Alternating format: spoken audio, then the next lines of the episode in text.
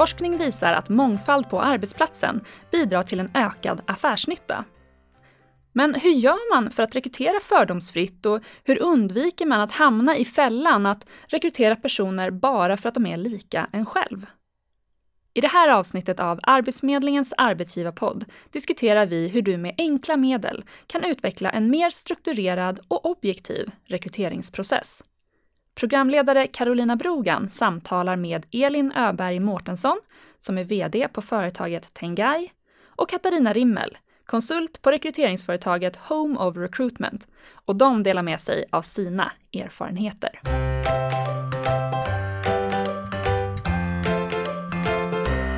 Välkomna hit! Vad innebär begreppet fördomsfri rekrytering och att rekrytera med mångfald, Katarina? Ja, jag tycker att det är ett begrepp som är lite problematiskt för mig eh, och som jag tycker också att man tjänar på att problematisera lite grann. Eh, det är givetvis ett begrepp som indikerar en ambition, alltså att man vill rekrytera fördomsfritt, man vill rekrytera så objektivt som möjligt, eh, vilket såklart är både sympatiskt och bra.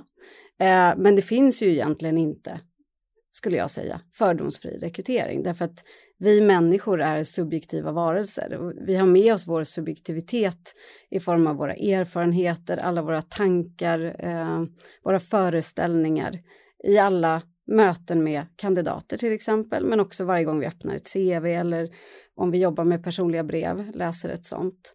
Så att det kan vara lite farligt nästan att prata om fördomsfri rekrytering eh, slentrianmässigt så. Därför att då, då, får man bilden av att det finns någonting sånt. Eh, och det skulle jag säga att det inte finns. Men det handlar ju om att försöka på olika sätt eh, med olika verktyg genom ett strukturerat arbetssätt eh, få till en så objektiv rekrytering som möjligt. Eh, ja, för att, att försöka eh, få bort den här subjektiviteten som vi har med oss. Och det är ju precis det vi ska prata om lite i det här avsnittet om vilka olika typer av metoder och verktyg arbetsgivare kan använda för att så att säga, ja, för att uppnå en mer fördomsfri rekrytering. Elin, vad skulle du säga när det gäller begreppet fördomsfri rekrytering och rekrytera med mångfald. Vad, hur, vad tolkar du in i begreppet? Jag håller med om, om problemfrågeställningen men eh, jag håller inte med om att det, att det inte existerar därför att vi vet så pass mycket om både teknik och process och så vidare idag att vi faktiskt kan komma väldigt, väldigt långt mot att bedriva våra processer helt objektivt. Men jag skulle säga att en fördomsfri process är en process som är inkluderande. Den är i så lång grad som möjligt helt fri från diskriminering av olika slag eh, och så mycket som möjligt också fri från liksom våra omedvetna eh, tolkningar och förutfattade meningar. Och det kan vi på olika strukturerade arbetssätt, precis som Katarina också nämnde, komma ganska långt med. Eh, men framför allt så handlar fördomsfri rekrytering att vi väljer kandidater på grund av deras kompetens och ingenting annat, inte på grund av hudfärg eller ålder eller kön. Och då kommer vi in på det här, hur kan arbetsgivare uppnå en mer fördomsfri rekrytering? Vad kan arbetsgivare använda för metoder och verktyg för att rekrytera mer fördomsfritt? Vad skulle du säga Katarina? Ja, och jag tänker där att det handlar ju i grunden väldigt mycket om struktur. Alltså att, att hitta olika arbetssätt och metoder som är strukturerade. Alltså en strukturerad intervju, en kompetensbaserad intervju skulle jag säga, men också en strukturerad process eh, från början till slut.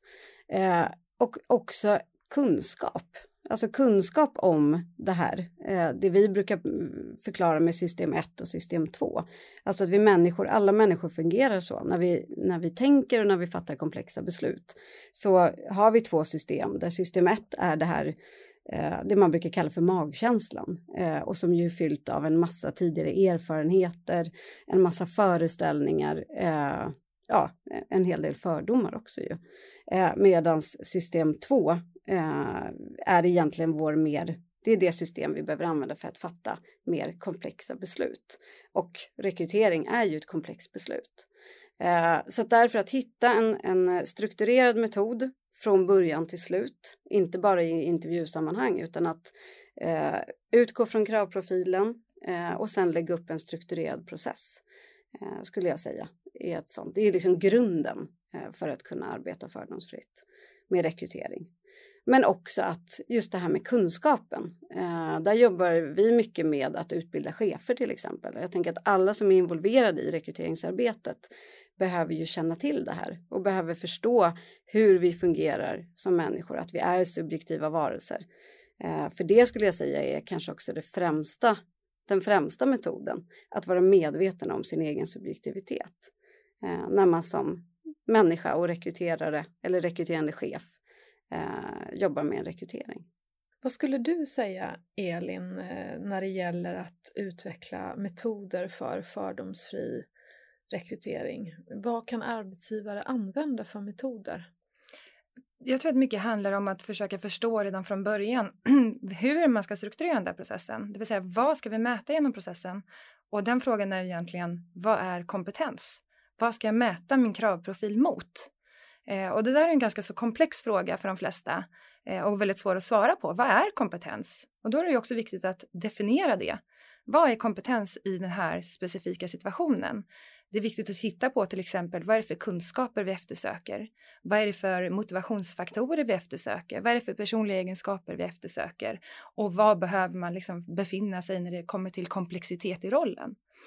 Och kan man hitta den där liksom definitions, den här definitionsmodellen, då kan man också komma väldigt långt med att göra sin process mätbar och strukturerad och dessutom kanske datadriven till och med så att vi kan plocka bort vår subjektivitet så långt som möjligt i processen. Och håller också med om det här att, att kunna medvetandegöra egentligen våra egna förutfattade meningar är också väldigt viktigt. Men vi kommer bara så långt med det därför att hjärnan fattar ju också massa omedvetna saker, omedvetna beslut åt oss utan att vi vet om det.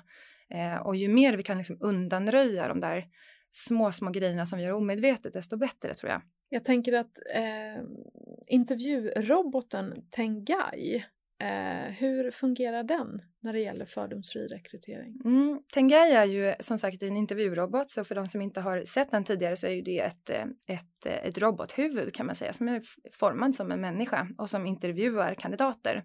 Och det man kan säga är att Tengai eh, bryr sig ju inte om vem man är, var man kommer ifrån, hur gammal man är, vilket kön man har, eh, hur man ser ut, utan det fungerar mer som en blindintervju.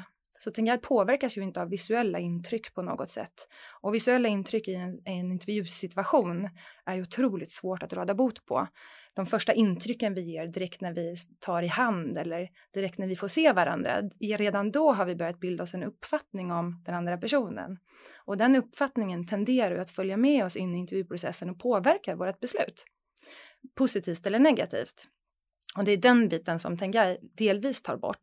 Tengai tar ju också bort då möjligheten att göra liksom en intervju helt ostrukturerat, utan den bygger på vetenskapliga metoder för hur man genomför en intervju. Så alla kandidater får samma chans, samma intervju, samma upplevelse eh, och också samma liksom, behandling. Eh, och det innebär ju någonstans att vi kan också inkludera fler kandidater i processen, öppna upp processen och skapa mer mångfald därifrån för att vi fattar beslut på fakta och inte magkänsla. Vilka är de vanligaste fördomarna bland arbetsgivare, tror du Katarina? Ja, eh, jag tänker att, att vi alla människor som sagt har en massa fördomar med oss. Jag skulle säga att det är väl sånt som handlar om Ja, men jag tänker att man kan ha fördomar baserat på ålder. Eh, att det finns många som kanske tänker att en person i en viss ålder inte har liksom någon teknisk kompetens eller att man inte är så driven. Det finns ju massa undersökningar som visar det att man har sådana fördomar. Det kan ju handla om, eh, ja men det, ni vet det här gamla med luckor i CV, att det kan stå för en massa saker. Eller eh, fördomar om att någon som har bytt eh, jobb ofta inte skulle stanna kvar. Alltså mycket det här som, som ju är system 1, alltså vi bygger upp en erfarenheter, vi vill ju förenkla för oss som människor. det är ju det subjektivitet handlar om tänker jag. Eh, så mycket sådana saker, alltså det här eh, ja, eh, kring bilder av, av eh, personer som handlar om att eh, en person som, eh, ja men lite det här med, med ålder eller med utseende som Elin var inne på eller någonting sånt. Men jag tycker att det är lite svårt samtidigt att säga att, att just arbetsgivare har en viss, viss sorts fördomar. För jag tror det är väldigt olika, för vi är olika, olika människor. Vad skulle du säga, Elin, när det gäller de vanligaste fördomarna bland arbetsgivare? Det, det man kan se från, från undersökningar inom det här området så kan man se att ålder är i särklass den mest präglade fördomen som man har, det vill säga att man väljer oftast bort kandidater på grund av eh, ålder, för ungt eller för gammalt till exempel. Den andra man kan se är kön. Eh, och där kommer också, eller därefter så kommer också religion eller etnicitet till exempel. Det är de vanligaste. Vi kan också se väldigt, väldigt tydligt att man färgas ju som sagt av sina första intryck och det är ju utseende. Eh, det kan vara alla möjliga saker som vägs in i det och vad vi har för erfarenheter med oss sedan tidigare som vi lägger in i det, i det intrycket så att säga. Det skulle jag säga är de vanligaste. Finns det någon koppling mellan kön och ålder exempelvis? Att det är mer åldersdiskriminering när det gäller att rekrytera personer med kvinnligt kön exempelvis? Inte vad vi kan se från, nu jämför jag ju här med TNGs undersökning som jobbar med fördomsfri rekrytering och har gjort länge. Eh, och ja, det finns, det finns ju sådana avarter också, absolut. Men jag skulle säga att det är liksom i, i den ordningen ålderskön.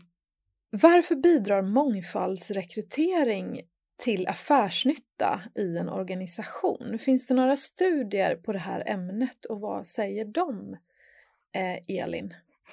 Ja, det, fin det, finns studier på det här området och jag tycker också att vi eh, kan se det med företag som, som jobbar på det här sättet.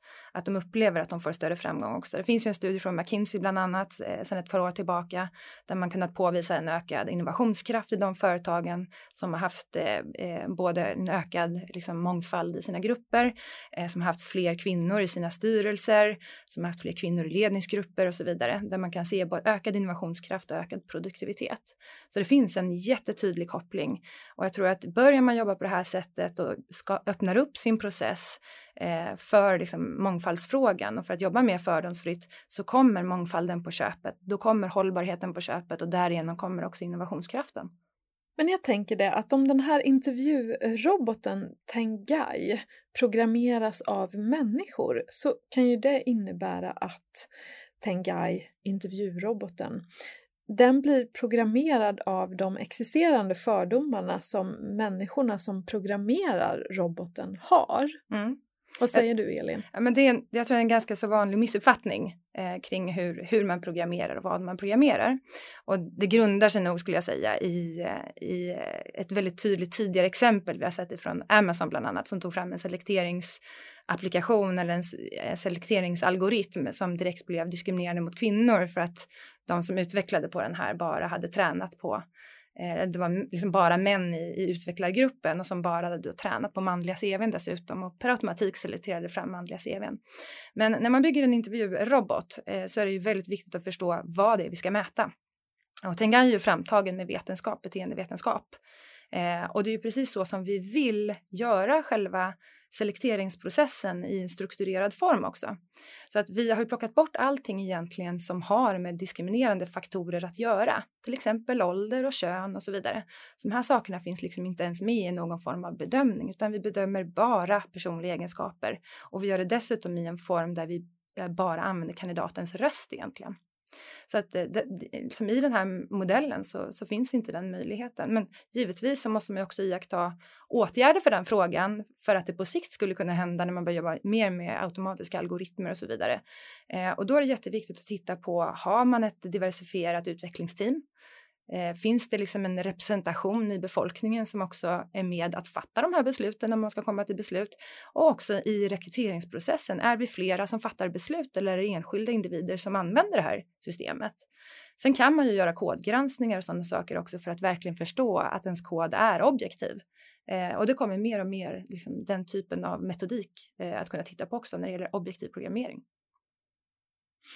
Om man som arbetsgivare har begränsade resurser när man ska rekrytera. Man kanske inte har en stor och välutvecklad HR-avdelning exempelvis. Har ni några korta, konkreta, handfasta tips på hur man kan få in mer fördomsfri rekrytering i sin rekryteringsprocess? Vad säger du Katarina?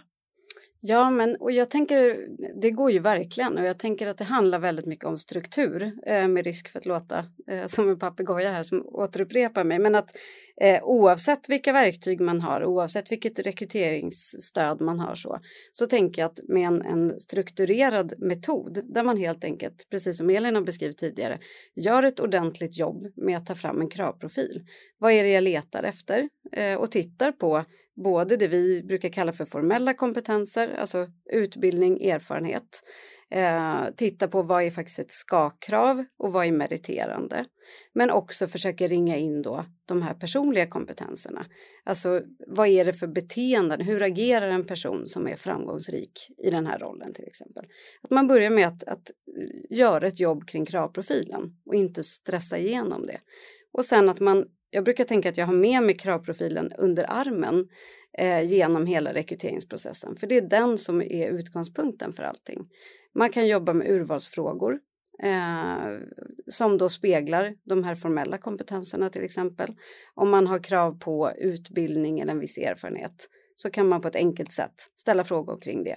Det innebär att man behöver inte efterfråga CV, man behöver inte efterfråga personligt brev. Eh, sen kan man i ett nästa steg utifrån sin kravprofil eh, ta fram en strukturerad intervjuguide. Eh, så bra man kan, givetvis. Men det är ju bättre med en strukturerad intervju eh, än en ostrukturerad, så att man kommer ganska långt även på det. Eh, och även i, i eh, följande steg, referenstagning, arbetsprov om man jobbar med det. Att man hela tiden har en struktur, har förberett sig och hela tiden kan koppla det till kravprofilen. Så att man inte börjar titta på andra saker, att man inte börjar slira i vad det är man faktiskt letar efter eller vilka man premierar eh, genom processen. Så att, att skapa en struktur och göra ett ordentligt jobb med sin kravprofil, det kommer man långt på. Även om man inte har så mycket resurser på olika sätt. Vad säger du Elin när det gäller det här arbetsgivare som ska rekrytera men som har begränsade resurser och kanske inte kan anställa ett utvecklingsteam och utveckla en, en ny intervjurobot utan det är ett mindre företag eh, och man ska rekrytera in och man har inte en utvecklad HR-avdelning. Har du några handfasta konkreta tips? Ja, men förutom det här som Katarina nämnde som var superbra tips tycker jag så tycker jag man kanske också ska våga utmana sig själv lite grann eh, för hur vi är som människor. Ett väldigt sånt enkelt och handfast grej är att försöka anonymifiera hela processen. Det vill säga vad skulle hända om vi bara gjorde urval på den faktan vi har och ingenting annat. Därför att vi, det, vi gör så otroligt mycket saker hela tiden som människor. Vi är ju fantastiska, hjärnan är fantastisk på att göra liksom olika kopplingar hela tiden. Eh, men vad händer om vi slår av den funktionen och bara tittar på den fakta vi faktiskt har på bordet? Titta på den strukturen vi har och på det vi de facto skulle mäta genom processen. Jag tycker att många arbetsgivare som, som jag har mött genom min karriär i, inom det här området eh, glömmer lite grann bort vad det är man skulle mäta genom processen för att man kanske fastnar för någon som var karismatisk eller liknande och sen så tänker man att ja men det var ju den där, vi klickade så himla bra eller den där skulle fungera bra, den, vi kan gå och dricka öl tillsammans eller spela ju golf och sådana saker. Om man kopplar bort sig själv ifrån den situationen och blir lite mer tolka mig rätt nu, men datastyrd som liksom i sin urvalsmetodik, desto mer har man att vinna i slutändan. Eh, för då kommer man också få kandidater som, som de facto också matchar det man eftersöker när det kommer till de konkreta grejerna man har spesat. Tack för att ni kom hit till Arbetsgivarpodden.